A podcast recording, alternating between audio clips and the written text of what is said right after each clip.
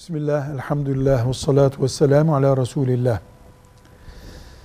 Boynuzu kırılıp görüntü olarak piyasa değerini düşürecek kadar arızalanmış bir hayvan kurban olarak satın alınmamalıdır.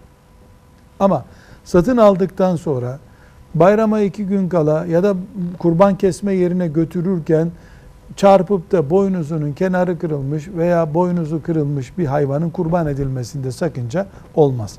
Velhamdülillahi Rabbil Alemin.